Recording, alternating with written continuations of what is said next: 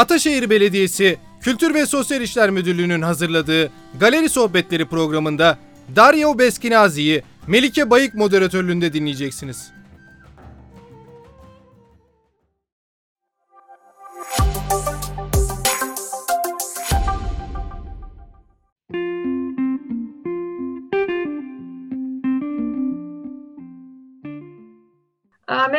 Ee, öncelikle hoş geldiniz. Ee, Ateşehir Kültür Sanat için yaptığımız Galeri Sohbetleri e, konuşmaları dizisinde bu ay e, Exist Galeri Darbe Beskinazi ile görüşüyoruz. Hoş geldiniz tekrar. Merhabalar Melike, hoş bulduk. Teşekkürler davetiniz için. Ne demek, seve seve. Nasılsınız? İyiyiz. Daha e, yani 2000'in 2021'in etkilerini hissetmeye başlamadık ama zaten şunun şurasında 360 gün kaldı yani. Doğru. Bitmek üzere. Doğru. Bir şey kalmadı yani bir yandan Evet. bakınca. Doğru. Ee, şöyle, bugün aslında şöyle biraz Exist Galeri'den e, yani 2004'ten bu yana olan genel sizin bu galeri yönetimi, sergileriniz, yaklaşımınızdan, sanat dünyasındaki ve piyasasındaki yerinizden konuşmak istiyorum. Bir yandan da e, hakikaten piyasa özelinde aslında bugün bir konuşma yapmak istiyorum. O gerekçeyle önce isterseniz biraz Exist'ten bahsedelim. Ne zaman, nasıl bir misyonla kurdunuz ve nasıl ilerliyor şu anda galeri? Tabii. E, Exist'i ben 2004'te e, o zamanlar ortağım olan Kerimcan Güler Yüz'le beraber kurdum. Hı hı. E, o dönemlerde e, bizim bu galeriyi bir proje olarak, bunun üzerine basarak söylüyorum, bir proje olarak kurmamızın e, bir sebebi vardı. E, ben 1997 yılında koleksiyon yapmaya başladım. Ve 7 yıl sonra 2004'e geldiğimizde e, envanterime baktığımda elimde hakikaten artık satın almak ve koleksiyonuma katmak istediğim hiçbir sanatçı ve hiçbir eseri ve hiçbir dönemi yoktu. Her şeyden almışım. Ve ben dedim ki yani Türk e, sanat piyasası, hani burada modern çağdaş ayrımını tamamen bir tarafa bırakıyorum. Daha Türkiye'de çağdaşın tarihi zaten 2000'lerin başı 20 yıl. Dolayısıyla modern çağdaş karışık diyelim. Ee, zaten artık elimizde hiçbir şey olmayacak. Yani ben her şeyi her şeyi bitirdiğime göre bu noktadan sonra koleksiyonerliği bırakmam lazım dedim. Eh, amacım da bu olmadığına göre ve her eseri de 3 ayda bir müzayedelerde görmek de istemediğime göre e, o zaman bu işi geliştirecek bir yöntem bulmamız gerekiyor. Kerimcan'la e, bir tanışıklığımız vardı. Yani çok üst düzey bir dostluğumuz olmasa da yani piyasadan birbirimizi bilirdik. Benim ondan alışveriş yapmışlığım vardı. O zamanlar karşı sanattaydı. Ee, ve e, hadi dedik böyle bir proje yapalım. Ee, ismi ben koydum Exist'i. Ee, Nişantaşı'nda son derece pahalı bir yerde son derece uygun fiyatlı gencecik sanatçıları sergileyerek bu bahsettiğim döngüyü kırmaya karar verdik. Yani benim artık alacak bir şey kalmadı artık şeyler bitti. Yani hani Türkiye'de koleksiyon yapacak adam yok döngüsünü kırmaya karar verdik ve e, bunun da temeli e, dediğim gibi e, genç sanatçılarla başlayan ve genç sanatçıların Türkiye'nin geleceği olduğunu e, ispatlamaya e, e, yönelik bir çabaydı. Bu yüzden projeydi Exist ilk kurulduğunda. E, tabii daha sonra e, profesyonel anlamda doğallıkla e, şirket statüsü olması sebebiyle de e, projeden şirkete döndü. E, böyle bir noktaya da geldi e, ve şu anda tabii yaklaşık olarak 2004-2021 17. yılımızı Mayıs'ta 17. yılımızı inşallah kutluyor olacağız. E, garip bir şekilde ülkenin en çok pardon en eski galerilerinden biri haline geldik aslında kendimizi genç sayıyoruz ama Hı hı. bizden daha eski herhalde 4-5 taneden fazla galeri kalmadı. Çok doğru. Ee, o zaman aslında şöyle bir şeyle devam etmek istiyorum. Yani 2004'te bir proje alanı olarak yani hakikaten bir proje, genç sanatçılar alan açacak bir yer olarak kuruldunuz. Oradan bu zamana geçen 17 yıllık süreç bence çok önemli. Yönetimsel açıdan mesela proje alanından bir galeriye döndü aslında bugün. Ne değişti? Yani hakikaten bu 17 yıl Türkiye ekonomisi, Türkiye'nin genel durumu, dijitalleşme, Birçok şey değişiyor çünkü dünya çok hızlı bir değişim içinde. Galeri formatında projeden galeriye dönerken neler değişti yönetim olarak? Yönetim olarak neler değişti? Bunu ikiye ayırayım. Öncelikle e, en başlarda e, yönetimde Kerimcan vardı. Ben galerinin finansal kısmını temsil ediyordum. E, şöyle benim o esnada aile işimi sürdürme mecburiyetim vardı. Dolayısıyla ikisine beraber geliyordum. Yani yaklaşık olarak e, haftada 6 güne çıktık pazartesiden cumartesiye. Bir tek pazar kapalıydık. Bu pazartesi galeriler kapalıdır hikayesine biz gireli daha 3-4 yıl oldu. Yani biz 13 yıl 6 gün haftada açık kaldık. ee, sonra ben aile işimi 6 sene sonra falan bırakıp tamamen galericiliğe yönelince e, eş yönetmeye başladık. Bu süreçte e, Kerimcan'ın yönetim süreci bittikten sonra işi ben ele aldım. E, vizyoner anlamda bir takım değişiklikler yaptım. E, biraz daha ileri yaşta, burada ileri yaşla kastettiğimiz Exist'in e, misyonunda belirtilen 35 yaş altı e, bir şey vardır, e, limit vardır. Bunun biraz üstü belki 37, 38, 40 ama hani 50, 60 gibi established kabul edilen e, yani yerleşik sanatçılardan bahsetmiyorum. Yine e, bu civarlarda e, ve eskiden hiç e, şey yaptığımız nasıl izah edeyim? E, başka bir yerde sergi açmış sanatçılarla çalışmazdık. E, yavaş yavaş hani başka galerilerden ayrılan ve beğendiğimiz sanatçılarla da çalışmaya başladık. E, bu arada burada bu e, birinci çoğul şahısı kullanmamın sebebi o dönemdeki en önemli yönetimsel değişikliklerden biri benim galerinin başına profesyonel bir e, direktör koymam oldu. O esnada çünkü direktör bendim ve Kerimcan'dı. Yanımızda çalışan bir de yardımcımız oluyordu. Hı hı. E, arada sırada da işte eserleri asan, ne bileyim nakliyeyi yapan, e, temizliği yapan falan e, bir arkadaşımız oluyordu. Sonra biz bu işi iyice profesyonelleştirdik. E, ben yeni bir e, iş tanımlaması yapıp e, galerinin başına hem satış hem yönetimsel anlamda e, başı çekecek birini koydum. E, yine o dönemde 2011'de onlarda falan yani 10 sene önceden bahsediyorum. Hiç galerinin e, yapmadığı bir şey yapıp e, medya ve sosyal ilişkiler yönetimi başlığıyla bir e, pozisyon oluşturup onun başına birini koyup e, ciddi anlamda işte Twitter'larda, Facebook'larda falan aktif olmaya başladık, aktif olmaya çalıştık. E, yoğun bir basın görselimizin olmasına çalıştık. Çünkü biliyorsunuz neticede e, yani görünürlük bizim işimizde her şey. e, ben yavaş yavaş açık konuşmak gerekirse e, işin e, finansal, muhasebesel kısmında kalmaya fakat e, işin yönetsel kısmını profesyonellere bırakmaya karar verip ama her türlü kararda da elimin olmasını sağlayıp e, işi bu noktaya getirdim. Şu anda da bu şekilde devam ediyoruz. Galerinin başında da çok üst düzey, benim de yıllardır çalışan e, profesyonel biri var. E, senin de tanıdığın Zeynep. Hı hı. E, Zeynep Paket. E, sanırım yönetsel anlamda sordukların ve değişikliklerine ilgili verebileceğim cevaplar bunlar ama hani biraz daha böyle e, diyalektik bir soruysa eğer söylediğin onu biraz daha açmanı istemem gerekebilir. E, yani umarım aslında... yalnız cevaplamadım. Yok gayet güzel bir yanıt oldu. Çünkü zaten galerinin yönetimsel ilişkileri Türkiye içinde de bence önemli. Nereden nereye gittiğini tanımlamak açısından. Yani çünkü başındaki durum işte bir proje olması, e, işte sadece senin finansal kısmına ilgileniyor olman, Kerimcan'ın başka bir kısmına ilgileniyor olması gibi şeyleri aslında sonucunda birleştirmişsin ve yönetimsel yapıyı değiştirmişsin. Bu açıdan güzel bir yanıt oldu. Tanımlamak açısından çok doğru oldu. E, peki ülke gündemi açısından nasıl değerlendiriyorsun 2014'ten bugüne olan süreci? Yani böyle de bir taraf var. Kötü. Çok kötü. Ee, ben yakın bir zamanda bir e, sağ olsun e, bu sevgili Olgaç ve Artam beni şeye seçmiş. Yani ülkedeki en önemli 60 isimden biri olarak göstermiş. Çok teşekkür ediyorum. Teveccüh göstermişler. Orada yazdığım bir yazıda ve ilettim. Hatta sağ olsunlar yine e, yazının başlığı olarak koydukları bir e, cümle vardı. E, Türkiye'de sanat köksüz değildir ama biraz yerden bitmedir diye, demişim. E, buna inanıyorum. Çünkü Türkiye'de 2000'lere kadar böyle bir dönemsel geçişler vardı. Enteresan. Yani 1970'te e, tamamen biten modern sanat ve başlayan çağdaş sanat, arada konseptüel, yani kavramsal sanat ki o e, çok daha böyle geniş bir tanımı gerektirir.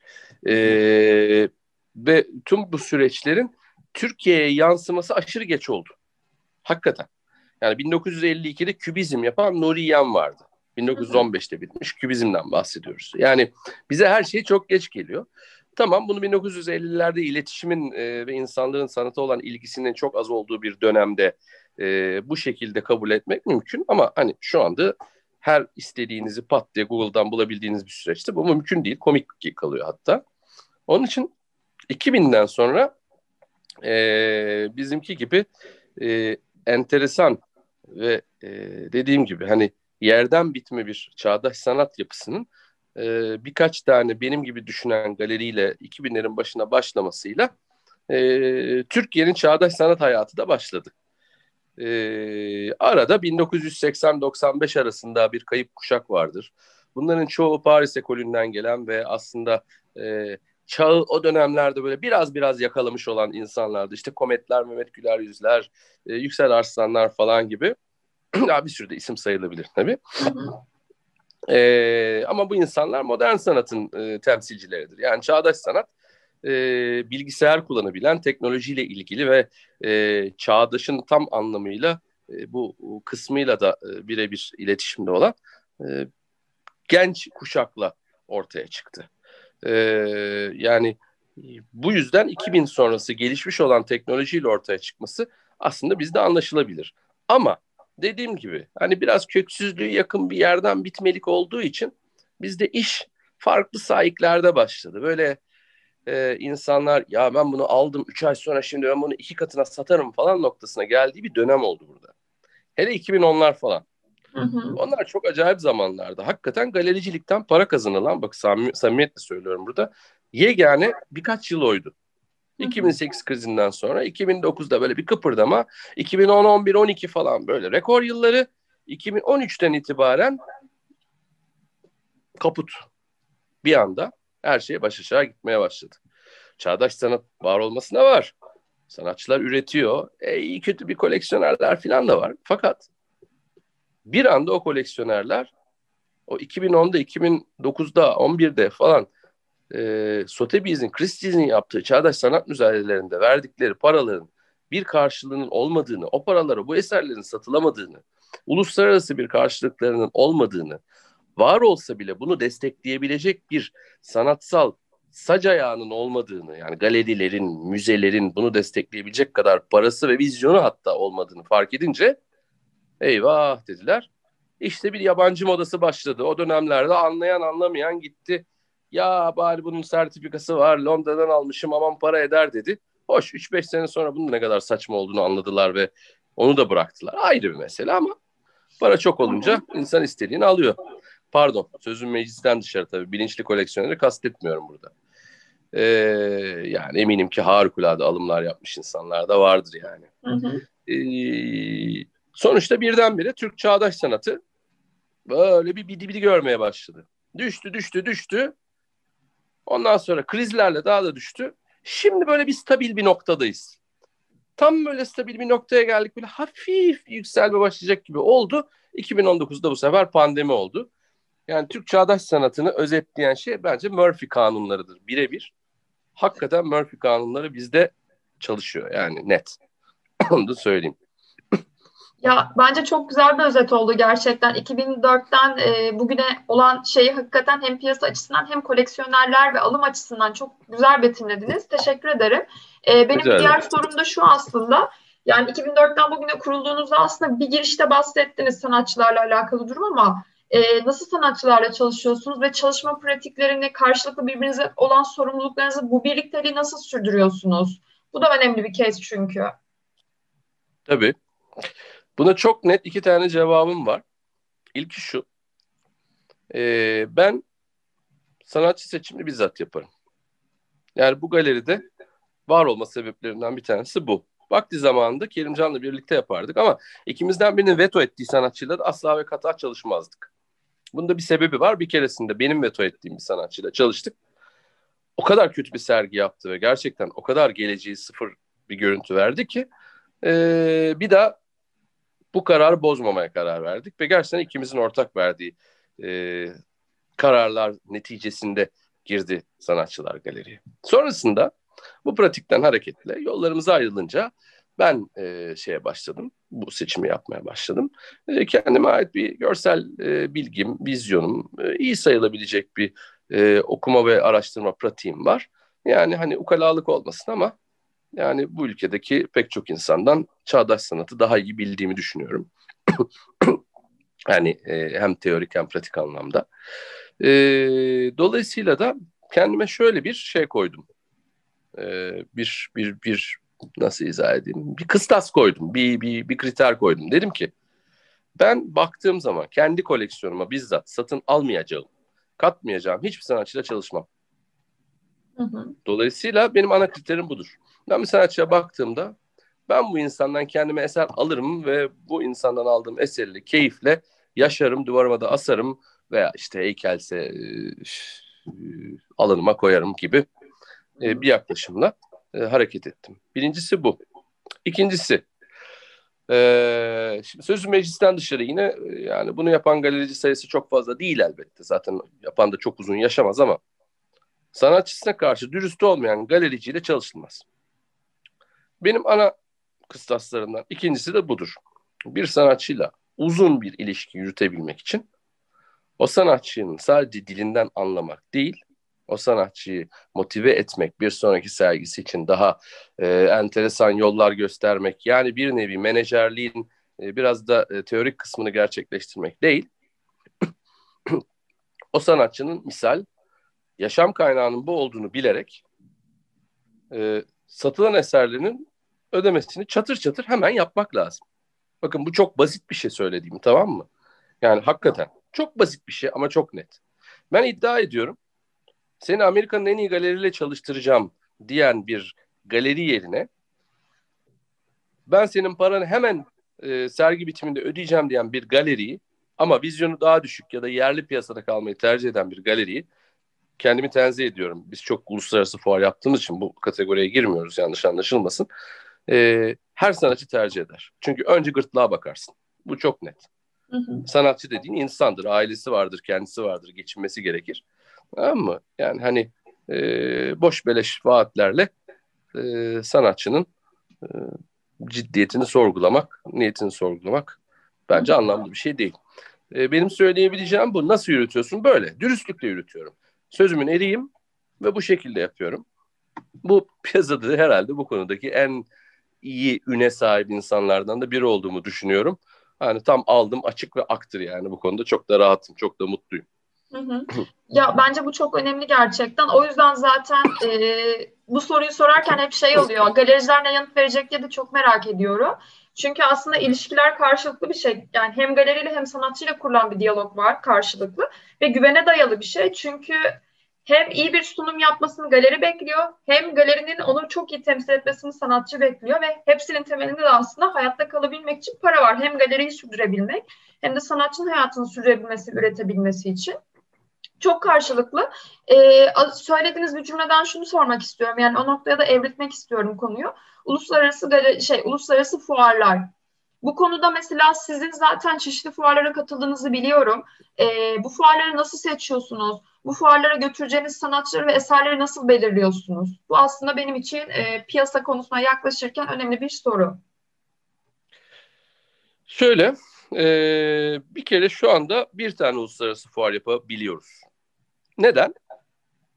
Hı hı. E şimdi hepimiz burada e, yani dolarla mı maaş alıyoruz? E, almıyoruz tabii. Hepimiz TL ile maaş alıyoruz. Dolayısıyla e, TL üzerinden şey yapıyoruz ama şimdi yurt dışına gibi fuara giderken o TL'yi dolara ya da euroya çevirdiğiniz zaman birdenbire bir bakıyorsunuz ki çevrilmiyor. Yani çevriliyor da çevirmeniz gerektiği kadar çevrilmiyor.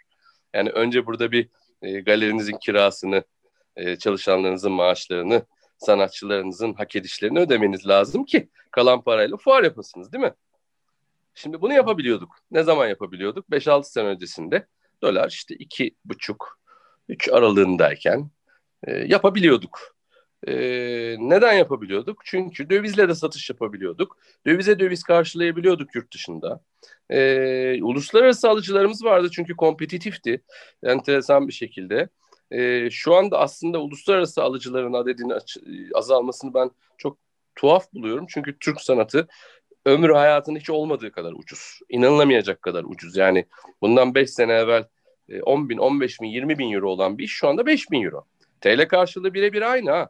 Sakın hı hı. yanlış anlaşmayalım. Yani o zamanlar e, atıyorum 20 bin liraysa bu an şu anda belki 25-30 bin lira yükselmiştir değeri. Ama 20 bin lirayken 6 bin euro dolarsa şu anda 30 bin lirayken artık yani ne öyle 3 bin dolar mı oldu? 3500 evet, dolar mı? O civarlarda bir rakam iniyor. Yani hani kötü e, hesap yapmış olabilirim ama yarısı hatta yarısından da az. Hani bunu uluslararası anlamda da bakmak lazım. Çünkü Türk parası konvertibil bir para birimi değil.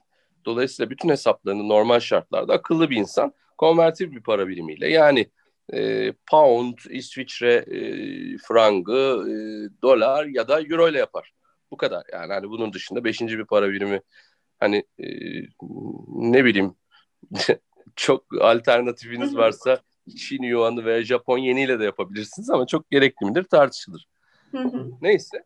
Ee, evet bu konuyu çok uzattım farkındayım. Ee, dolayısıyla bu finansal sahipler yüzünden e, yurt dışı fuarlarına katılmakta acayip zorlanıyoruz. Tabii bu makro anlamda bütün piyasayı da etkileyen bir şey. İnsanlar kriz yüzünden e, likitte kalmak istiyorlar. Likitte kalmak isteyen insan da ne kadar uygun fiyatlı gibi görünürse görünsün. Ruhen de, zihnen de, kalben de e, bazen sanat eseri almak istemiyor. Çünkü sanat eseri bizim ülkemizde biraz yani ikinci bir meta olarak görülür. Yurt dışındaki gibi hani Rönesans görmüş bir ülke olmadığımız için hani ülkeye çok küçümsediğimi düşünmeyin. Gerçekler bunlar yani hani ya, yalan değil. Ben de Türk'üm neticede yani hani insanlar gibi yani hani evlerinin duvarlarının boş kalması yerine hani gidip e, güzel hani belki finansal şey olmayan ama e, duvarlarını süsleyecek, boş bırakmayacak bir şeyler almaya bile e, yeltenmiyor insanlar çokluk. Yani çok küçük bir kitleye hitap ediyor bizim sanat piyasamız. Yani ben iddia ediyorum binden fazla alıcı yoktur bu piyasada. Bini geçmez. Bin de çok iyimser bir rakam. Yani hmm. bunun belki 200'ü aktif alıcıdır. 150-200'ü. Kalan 800'ü bir tane iş almıştır böyle çok gaza gelip veya gerçekten çok beğenip. Ee, onu da hani ne bileyim ben yatak odasında e, yatağın üstüne başucuna falan asmıştır. Budur. Ama hani bütün duvarlarını süsleyen, bütün duvarlarını sanat eseriyle süsleyen ya da tabii burada duvarla kalmayalım. Hani bunun videosu var, enstalasyonu var, heykeli var ama biz bir kültürel olarak duvarla başlayalım da yani sonrakilere daha geç geliriz. E, dolayısıyla bizim ülkemizdeki durum bu. E, ve e, görüntüye göre çok da yapılabilecek bir şey yok bununla ilgili olarak. E, birazcık saptım konudan. E, beni konuya biraz geri döndürebilir misin çok rica etsem? Benim aslında ben... değil mi? Evet evet yani fuarlara nasıl gidiyordunuz dedim. Aslında çok güzel bir kısmını özetlediniz. Yani çünkü ekonomiye bağlı bir şey bu zaten. Konuşmak üzere olduğumuz, konuştuğumuz şeyle alakalı.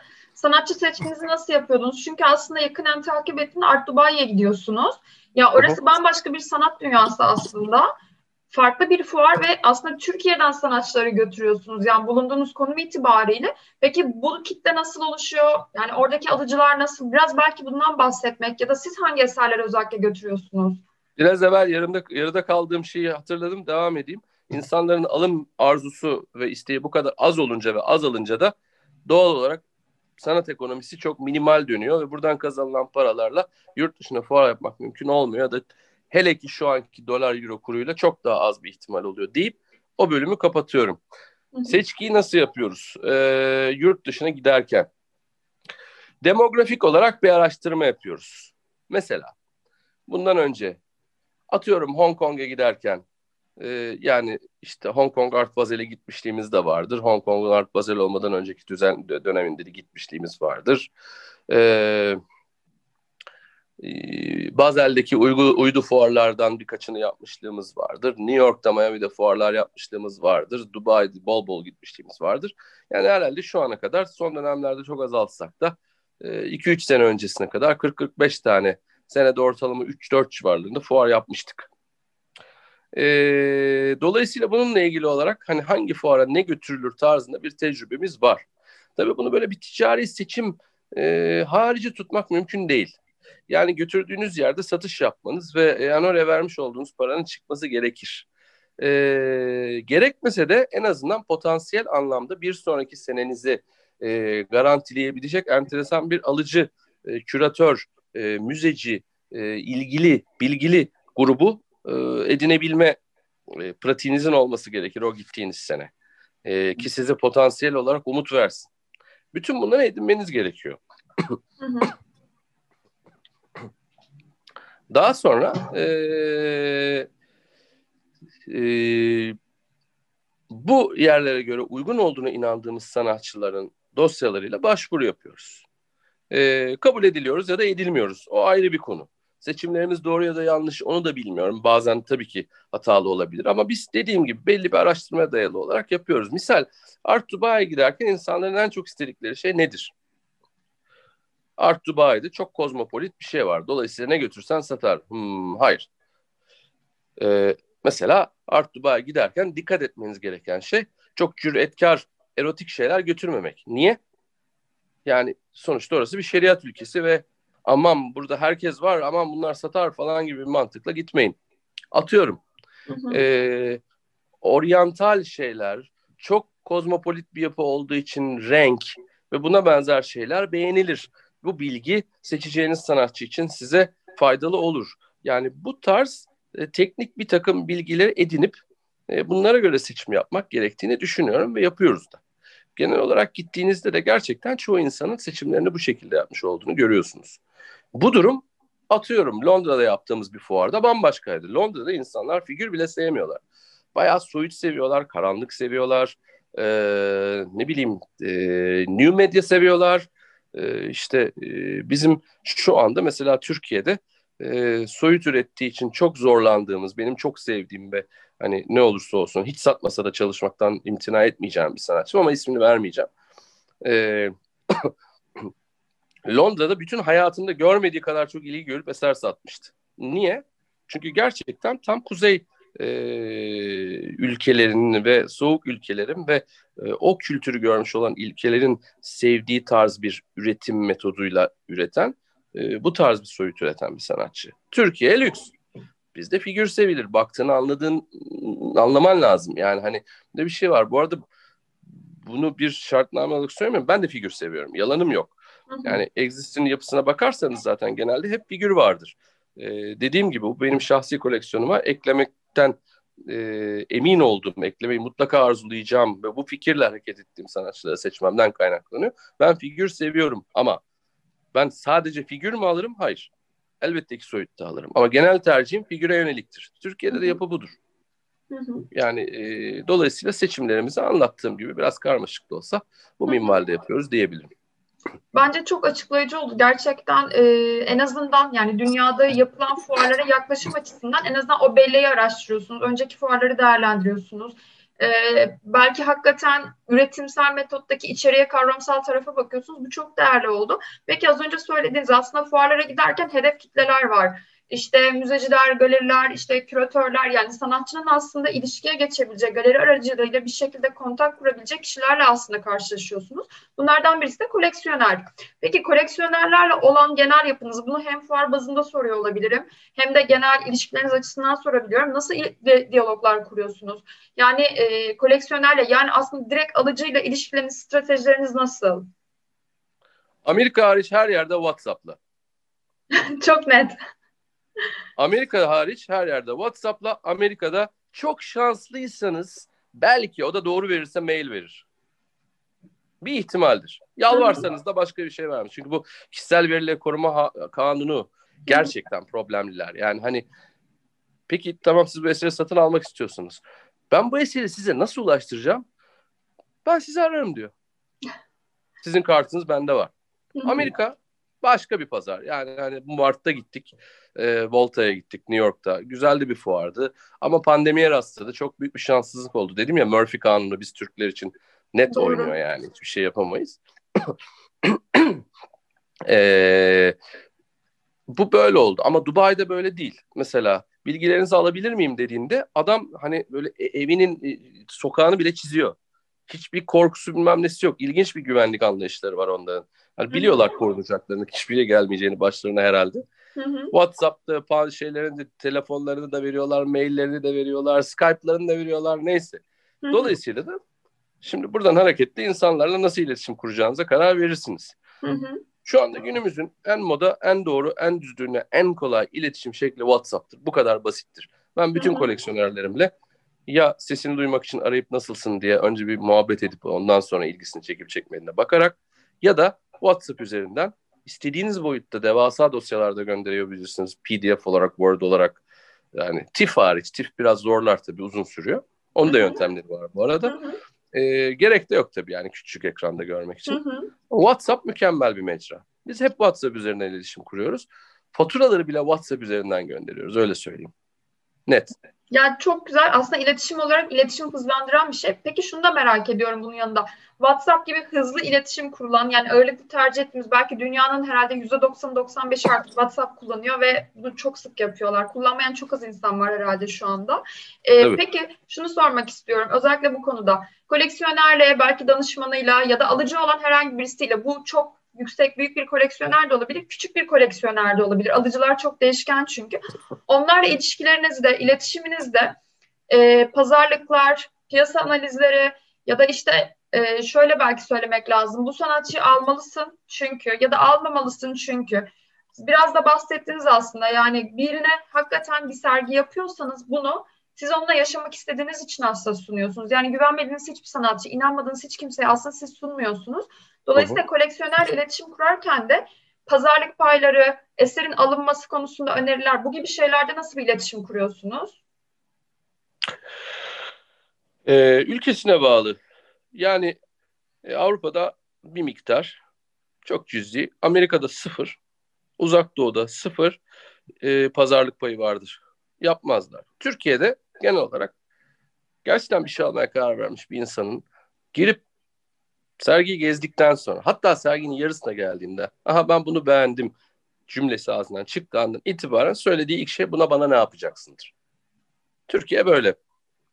Ya ben böyle söyleye söyleye sürekli olarak ülkemi kötülüyormuş gibi oluyorum ama yani yanlış bir şey yapıyorum galiba bir noktada ama vallahi yapmak istediğim bu değil. Net gerçekleri anlatıyorum. Çok ilginç bir şey ama ciddi ciddi gerçekleri anlatıyorum. Olanı biteni soruyorsun. Ben de kendi Tabii. piyasamı birebir anlatıyorum. Biraz mizahi dillerle anlatıyorum evet ama realite de bu yani. Yalan da değil. Neyse. Şimdi bu kültürle ilgili bir şey olduğu için bir şey diyemem. Bizim ülkemizde pazarlık var da İran'da yok mu? İsrail'de yok mu? Suudi Arabistan'da yok mu? Lübnan'da yok mu? Var tabii. Yani e, ne bileyim e, ama yani işte batılı ülkelerde yok pazarlık kültürü. Çünkü onlar verilen fiyatın fair yani net bir fiyat olduğuna o kadar inanıyorlar ki zaten bu adam bu fiyatı veriyorsa fiyatı budur deyip geçiyorlar. Bizde ya kardeşim kesin üstüne acayip geçirmişlerdir. Ben bunun biraz altından alırım falan mantığıyla hareket ettiklerinden pazarlık ediyorlar. Bu bir kültür meselesi. Bir sürü ülkede var. Türklere yönelik değil deyip birazcık konuyu oradan kasayım. Hı hı. Ee, bu pazarlıkla ilgili meseleni e, cevaplamış olsun. Ee, iletişim meselesinde eğer iletişim WhatsApp üzerinden yürüyemeyecek kadar kallabi bir hale gelmiş ve zorlayacak hale gelmişse ve biraz daha uzun vadeye yayılabilecek haldeyse o zaman maile dönüyorsun.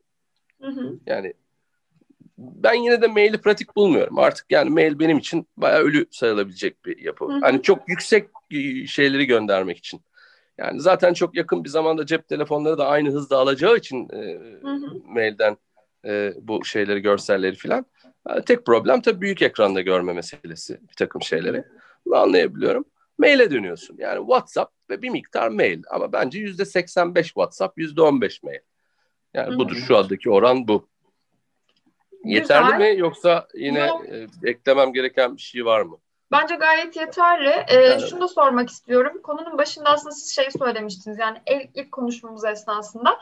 Ee, 2004'ten işte bugüne olan özet kısmında Türkiye'nin değişken yapısından bahsetmiştiniz. O zaman ben hı. şöyle bir şey söylemek istiyorum aslında. Yani sanat piyasası özelinde Türkiye oldukça hareketli bir ülke. Ekonomi de tabii ki çok değişken. Ee, ve siz şey dediniz işte 2008 krizinde şu oldu, 2009 hareketlendi, şöyle oldu gibi şeyler söylediniz. Ya bu bağlamda aslında o zaman şunu söylemek mümkün mü? Ülke ekonomisinin değişkenliğine göre sanat alımları değişiyor. Hı hı. Tabii. Son derece bunu mümkün. söyleyebiliriz. Ama bu bizim ülkemize özel bir durum değil. Bu bütün dünyada böyle. Aynen o Yani- yüzden New York'ta da bunun çok farklı olduğunu sanmıyorum. Sonuçta e, yani elinde e, bin lira para varsa atıyorum e, ve bunun e, bir bölümünü sanata ayırmak istiyorsan bu bir plandır. elinde bin lira varsa ve o bin liranın pandemi yüzünden elinde kalıp kalmayacağından değerinin 500'e inip inmeyeceğinden emin değilsen o ayırdığın 100 lirayı sanata ayırmazsın. Türkiye'de yani çağdaş sanat kültürü biraz daha e, dediğim gibi yerden bitme ülkelerde sıfıra kadar inebilir o rakam ya da ertelenebilir. Kriz sonrasında ertelenebilir. Ama diğer ülkelerde sıfıra inmez. 100 olan 50'ye iner belki. Ama sıfırlanmaz. Misal. Bizde direkt ya sıfırlanıyor ya erteleniyor ya öteleniyor ya da tamamen vazgeçiliyor. Hikaye bu. Bilmiyorum okay, ne yani, istediğimi düzgün anlatabildim mi? Yok gayet gayet anlaşılır durumda. Yani o zaman aslında zaten şey hem ülke özelindeki işte ekonomik kriz gibi durumlarda sanat piyasası ne kadar etkilenir? Bunu sadece Türkiye'ye özel olmadan bütün dünya için global açıdan değişkenlik sağladığını, e, bütün sanat piyasasının bütün dünyada etkilendiğini söylemek mümkün. Farazi salgında aslında şu an tüm dünyanın sanat ortamının değişmesiyle alakalı, sanat piyasasının değişmesiyle alakalı belki bu söylenebilir. E, evet. O yüzden aslında ben biraz da şey merak ediyorum. Yani piyasa konusunda mesela son soruya birazdan geleceğim. Salgın üzerine konuşalım isteyeceğim ama mesela müzayedeler şu an galeri olarak da birçok sanatçıyı temsil ettiğiniz için sanat piyasası ne kadar etkiliyor?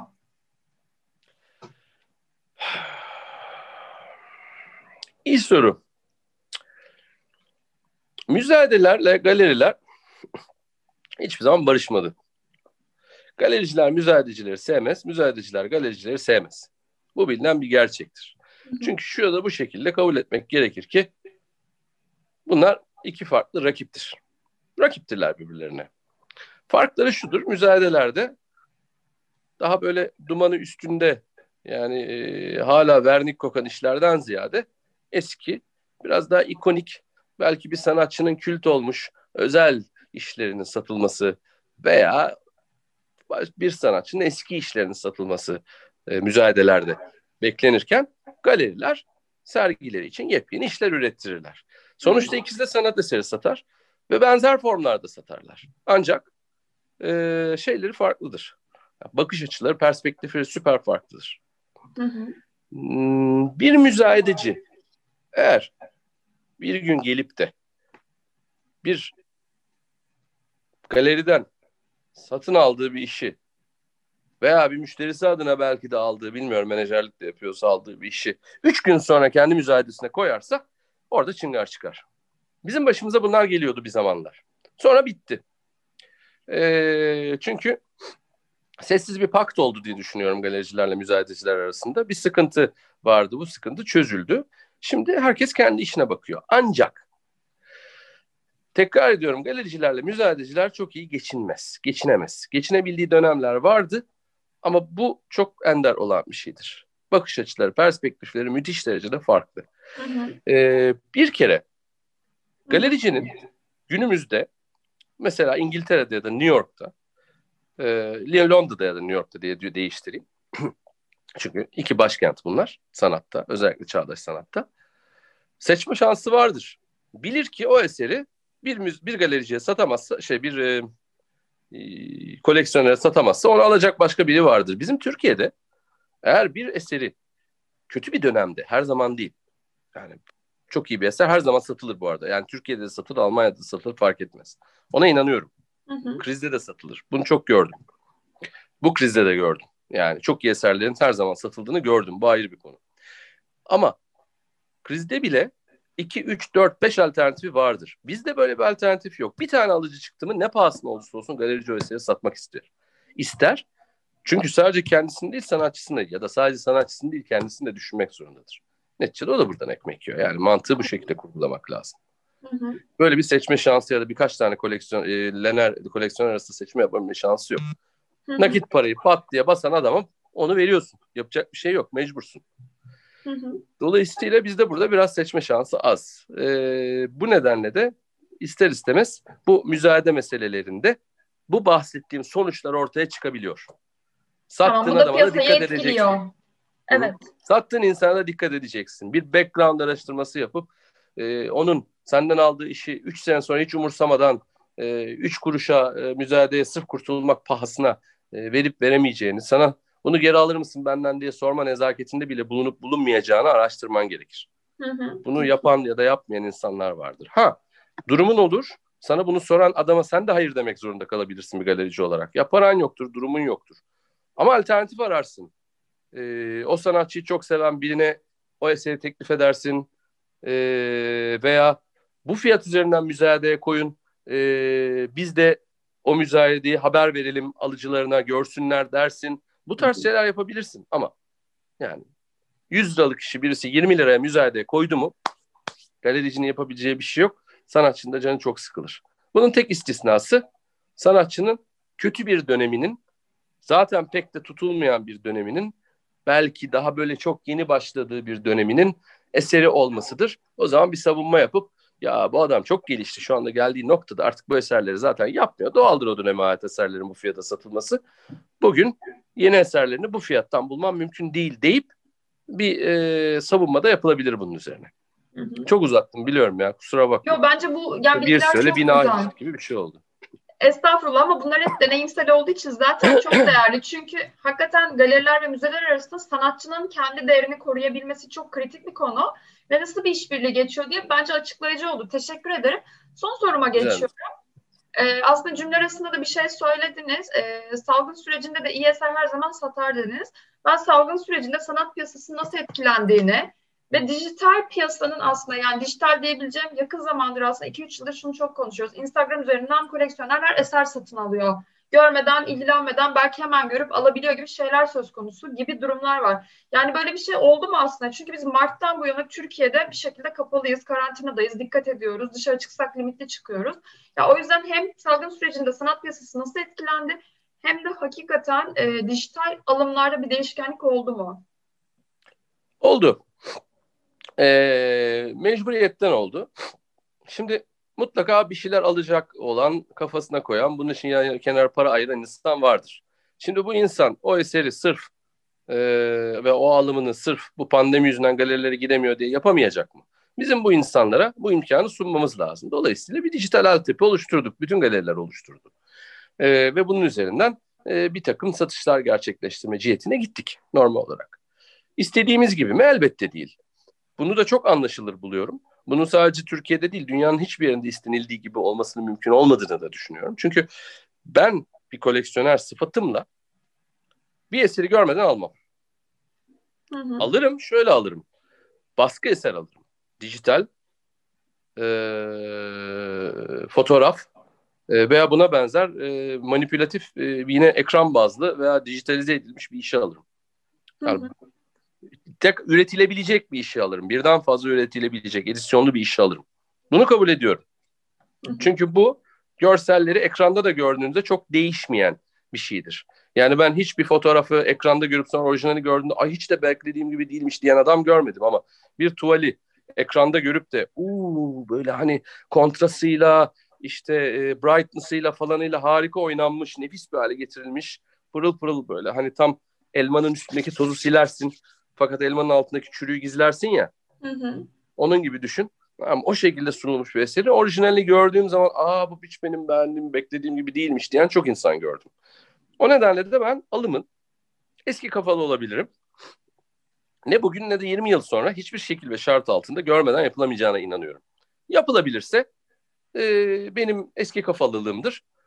O dönemde artık ee, özür dilerim yani alım yapanlarda ve tebrik de ederim ayrı. Ama e, bu sıfıra inmez. Giderek artar mı? Giderek artar ama hiçbir zaman gözle görülerek yapılan alım kadar adet artar, artması mümkün değil. Dolayısıyla galerilerin yüzde yüz dijitalize olması, yani sabit bir mekana sahip olmaksızın her şeylerini dijital üzerinden götürmeleri son derece mümkün olmakla beraber galericilik değil. Bence. Galericilik bir sürü riski de yanında taşıyan, kira ödemek, yanında çalışan çok kaliteli insanlara ciddi maaşlar vermek gibi bir takım şeyleri de e, hani eşyanın tabiatında kabul edip lüzumlu addeden bir meslek koludur ve lüzumludur. Burada eserin ne şekilde, kaç milimetre, kaç santimetre sağa sola asılacağını, e, nasıl ışıklandırılacağını falan hesaplamak bile dijitalle yapılabilecek bir şey değildir. Dijital üzerinde o ışıklandırmayı çok daha kolay yapıyor olabilirsiniz ama doğal değildir. Hı hı. Yani doğallık gerçekliktir. Gerçeklik gördüğünüz şeydir. işte yani görme biçimleri malumunuz çoğumuzun okuduğu Evet. e, yani kitap. O zaman şöyle salgında aslında insanlar uzaktan dijital şeylerde aldı, almak zorunda kaldı. Aldı. Ama Aldı. siz önermiyorsunuz, tercih de etmiyorsunuz. Aslında şöyle, belki bunu biraz şey gibi ayırabiliriz. Medya eserleri, dijital eserler ve plastik dilde üretilmiş eserler olarak belki ayırmak mümkün. Kesinlikle. Kesinlikle Çünkü- mümkün, evet. Resim, heykel gibi yani boyutu ya da algısı farklı olabilecek şeyleri fotoğrafta görmek sizin de söylediğiniz gibi algıyı değiştirebilir diyorsunuz.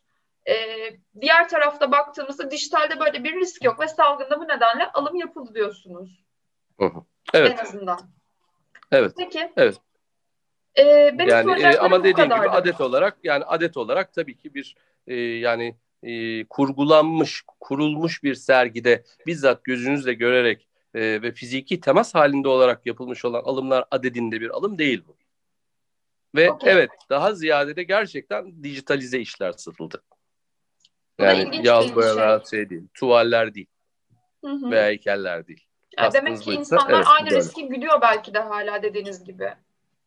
E bence öyle. Hı hı. Yani tabii benim söylediğimin tersini söyleyen, tersini yaşamış galeriler de mutlaka vardır. Ben kendi deneyimlerimi aktar- aktarıyorum açıkçası. Doğrusu bu. Ya ben çok teşekkür ederim. Ee, bence Rica oldukça ederim. açıklayıcı oldu. Hem Exist Galeri özelinde hem çalıştığınız sanatçılar, fuarlar, alım satım, koleksiyoner ilişkileriniz, salgın sürecinde özellikle satışlar hakkında belki gerçekten piyasanın 2000'lerden bugüne değişimi hakkında çok aydınlatıcı oldu. Çok teşekkür ederim. Çok sağ olun. Rica ederim. Ben teşekkür ediyorum e, bütün bu soruları sorduğunuz için. Güzel hazırlanmış, e, doğru ve iyi sorular. E, memnun oldum ben de kendimi ifade ve ifşa edebildiğim için. En azından galerim adına e, ve sanatçılarım adına teşekkür ediyorum. Çok teşekkürler.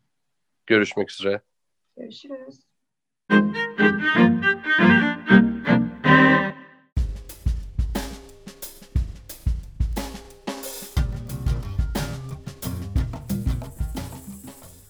Galeri Sohbetleri programında Dario Beskinazi'yi Melike Bayık moderatörlüğünde dinlediniz. Esenlikler dileriz.